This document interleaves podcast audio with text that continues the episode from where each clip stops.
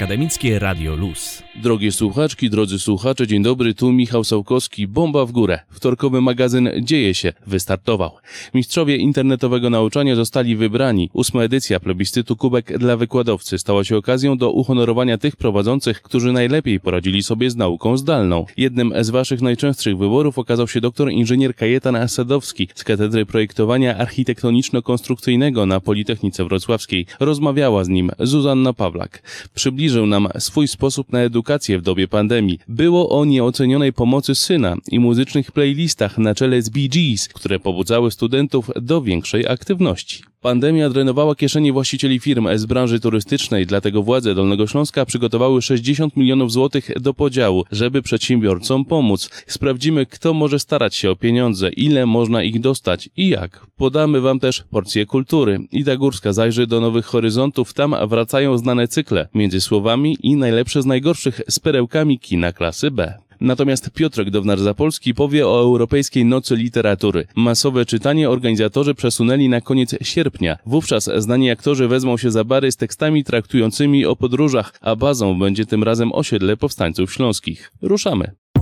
Radio Luz 91 i 6 FM. Go ahead.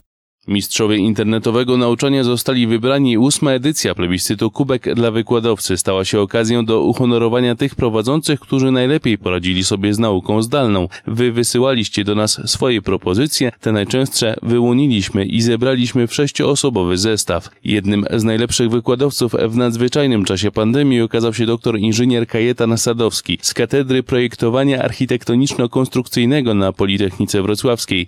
Rozmawiała z nim Zuzanna Pawlak. Posłuchajcie fragmentu tej dyskusji. Dzień dobry. Bardzo chciałam podziękować w ogóle panu za tę rozmowę, bo, bo jest teraz e, w tym momencie taki okres, że zaczyna się sesja e, na Politechnice Wrocławskiej, więc rozumiem, że, że to jest taki okres dość wymagający dla pana, bo nie dość, że sesja, to jeszcze cały czas to zdalne nauczanie. Witam panią szanowną redaktor, bardzo serdecznie oczywiście wszystkich radiosłuchaczy i radiosłuchaczki. Rzeczywiście mamy okres sesyjny, który już właściwie się zaczął, aczkolwiek jeśli chodzi o mój przypadek, to ja prowadzę zajęcia, które kończą się przed sesją, więc w zasadzie powoli zaczynam oddychać pełną piersią. Jeszcze tylko wyjaśniam reklamacje z ocenami niektórych osób, które są zainteresowane poprawą tych ocen, ale najtrudniejsze już za mną. Cały ten semestr powoli mogę zapisywać do archiwum.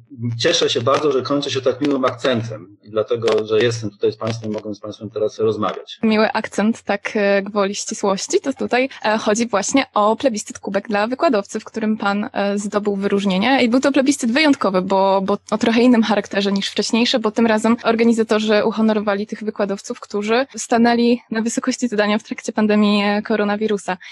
Na Wydziale Architektury wydaje mi się, że jest pan postacią doskonale znaną chyba każdemu studentowi, ale czym tak dokładnie pan się zajmuje? Ja jestem pracownikiem Wydziału Architektury. Większa część studentów, studentek oczywiście uczy się pod moją opieką. Prowadzę zajęcia z mechaniki budowli na pierwszym roku, a przez te zajęcia przychodzą wszyscy studenci pierwszego roku, mają ze mną styczność, więc każdego mogę poznać. Ten obszar zajęć jest także obszarem y, moich zainteresowań naukowych. Zajmuję się, czy interesuję się kształtowaniem konstrukcyjnym y, budynków i to jest taki przedmiot, który architektów jest troszeczkę bardziej przedmiotem pomocniczym. Nieczęsto architekci interesują się, ponieważ jest to dosyć ścisły, mało humanistyczny też zakres badań, w związku z czym y, jest to troszeczkę takie odmienne. A drugi obszar, taki badawczy, który dzisiaj mnie zajmuje, szczerze mówiąc, drugi przedmiot to jest charakterystyka energetyczna budynków i to jest ten obszar badawczy związany z sprawdzaniem, jak dużo energii zużywają budynki, jak, co można zrobić, żeby tą energię zużywaną przez te budynki ograniczyć, e, albo co zrobić, żeby można było energię wbudowaną w te budynki ograniczyć. To jest coś, co mnie szczególnie interesuje od kilku lat i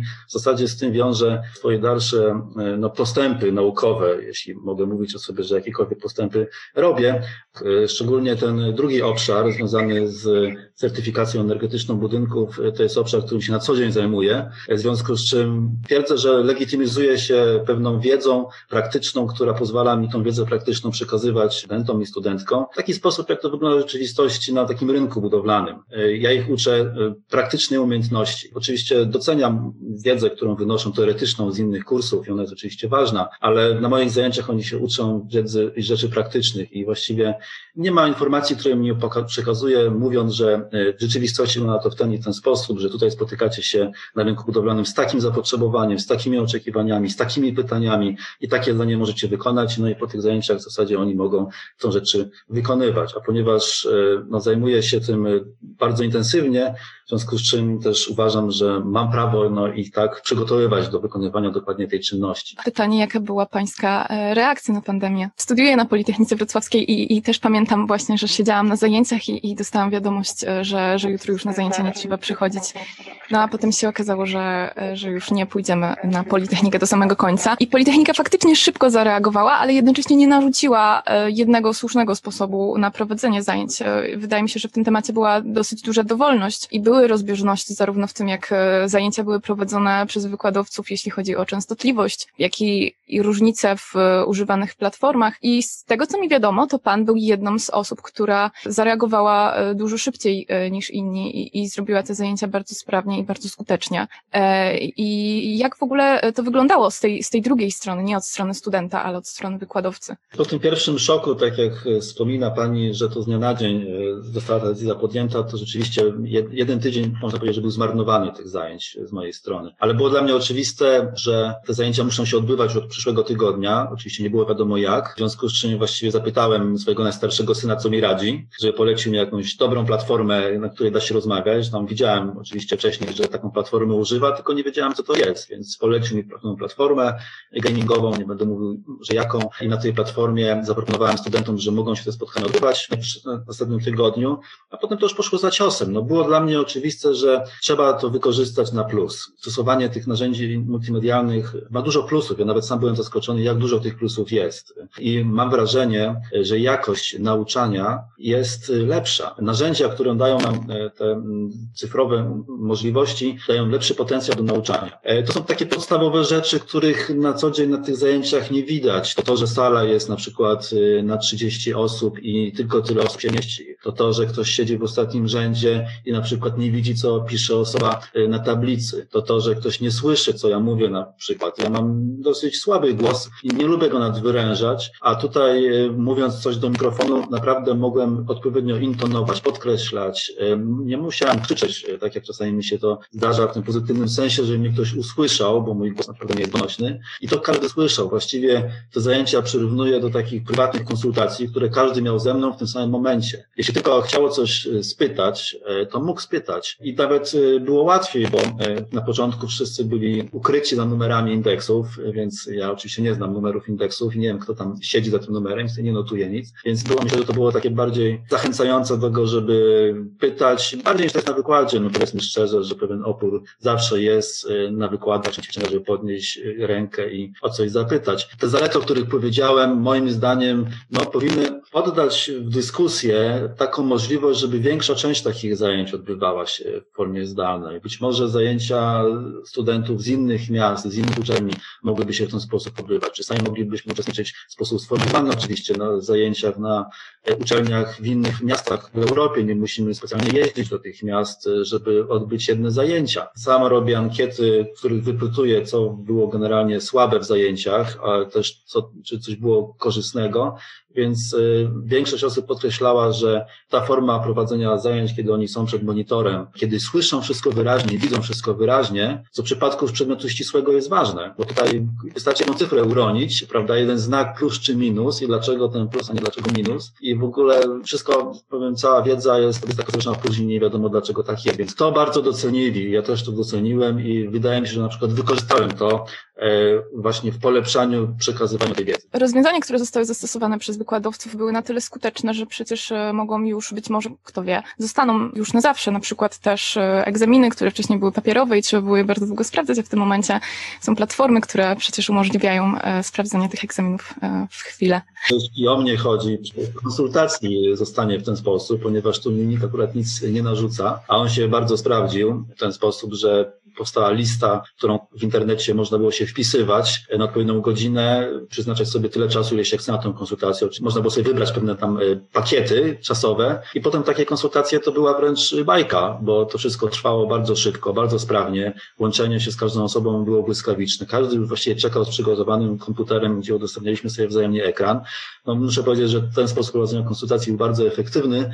Dawał mi wiedzę, ile osób czeka. Mogłem to sobie zaplanować. Dawał studentom wiedzę, ponieważ ja odnotowywałem, odnotowywałem to, że z kimś właśnie rozmawiam albo już kolejna osoba jest po konsultacji, więc na bieżąco można było obserwować, ile jeszcze osób czeka przede mną, prawda, jeśli czekam na konsultację. Więc to wszystko ułatwiało taką komunikację i zarządzanie swoim czasem. Ja ze swojego doświadczenia e, przyznam się, że, że chodziłam na pańskie zajęcia i wspominam bardzo dobrze w tych skuszeniach, które e, wcześniej już przeglądałam, no właśnie w oczy mi się rzucił ten, ten pewien szczegół, o którym już wcześniej rozmawialiśmy, e, czyli, czyli te playlisty. Playlisty były no, wypadkiem przy pracy troszeczkę, bo na pierwszych zajęciach, które się odbywały już na platformie internetowej, żartowałem sobie, że jesteśmy jak w radiu, że tu jest tak miło, że każdy z Państwa siedzi sobie z kawą, prawda, gdzieś tam głaszcze kota albo coś. Ja co prawda musiałem się przetransportować do biura, którym mogę prowadzić sobie w spokoju takie zajęcia, więc takie konotacje radiowe od razu mi przyszły na myśl i zasugerowałem, że to może jakąś listę przebojów nawet zrobimy i oczywiście o tym od razu zapomniałem, ale po zajęciach y, ktoś zaczął pisać i przypominać mi, co powiedziałem,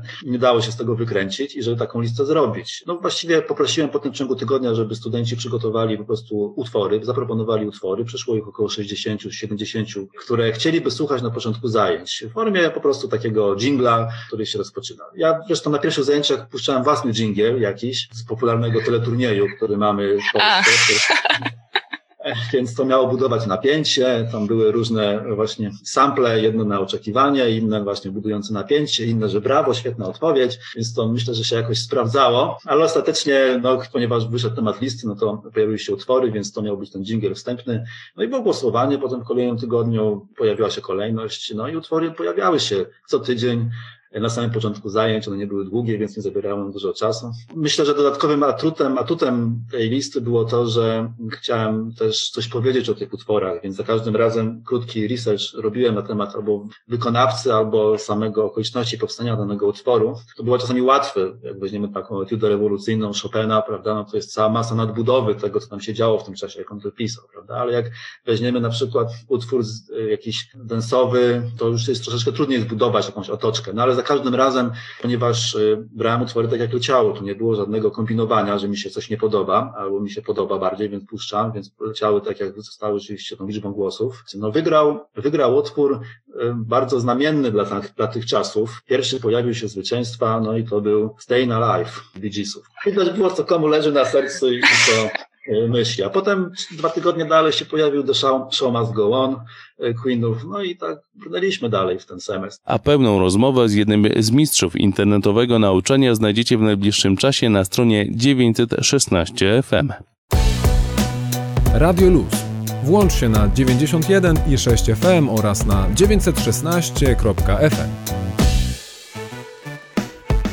Teraz w Radio Luz powiemy o pieniądzach dla branży turystycznej, która mocno odczuła ograniczenia związane z pandemią skutkujące brakiem podróży i podróżnych. 60 milionów złotych na pomoc dla branży chcą przeznaczyć władze regionu i Dolnośląska Instytucja Pośrednicząca, szczególnie dla mikro i małych firm. Ruszył konkurs, dzięki któremu uda się rozdzielić fundusze z regionalnego programu operacyjnego. Mówi o nim Cezary Przybylski, marszałek Dolnego Śląska. Można składać wnioski do Dolnośląskiej Instytucji Pośredniczącej na działania związane z turystyką i planujemy zasilić turystykę 60 milionami złotych. Bardzo nam zależy na tym, żeby ten konkurs przebiegł bardzo sprawnie, żeby te pieniądze jak najszybciej do Państwa trafiły.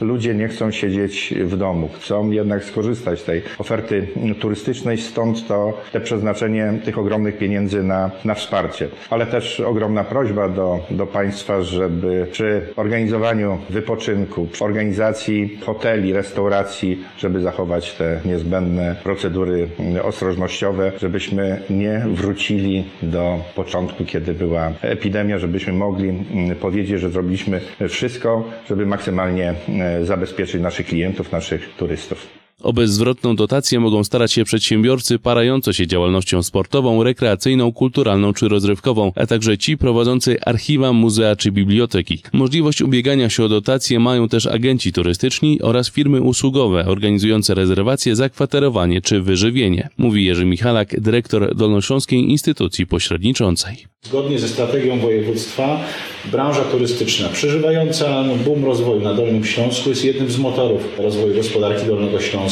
a w sposób szczególny, jak pokazują dane Głównego Urzędu Statystycznego, została w sposób szczególny dotknięta koronawirusem. Te ubytki w przychodach sięgają nawet 94% w tych wymienionych przeze mnie branżach. Zatem taka decyzja zarządu, żeby wesprzeć właśnie te branże, żeby, proszę wybaczyć sformułowanie, nie rozsmarowywać po całym e, województwie i po wielu, wielu branżach i wielu przedsiębiorstwach tych pieniędzy, tylko skierować właśnie na powtórny rozwój, czy skierowanie na ścieżkę powtórnego rozwoju tych właśnie przedsiębiorstw. Wysokość dotacji zostanie wyliczona na podstawie liczby osób zatrudnionych w danej firmie. Minimum 23,5 tysiąca złotych przy jednym zatrudnionym pracowniku i jednym etacie. Maksimum niemal 165 tysięcy złotych przy 49 etatach. Przedsiębiorcy mogą starać się o dofinansowanie przez generator wniosków aż do piątku. Więcej szczegółów znajdziecie na stronie dwup.pl.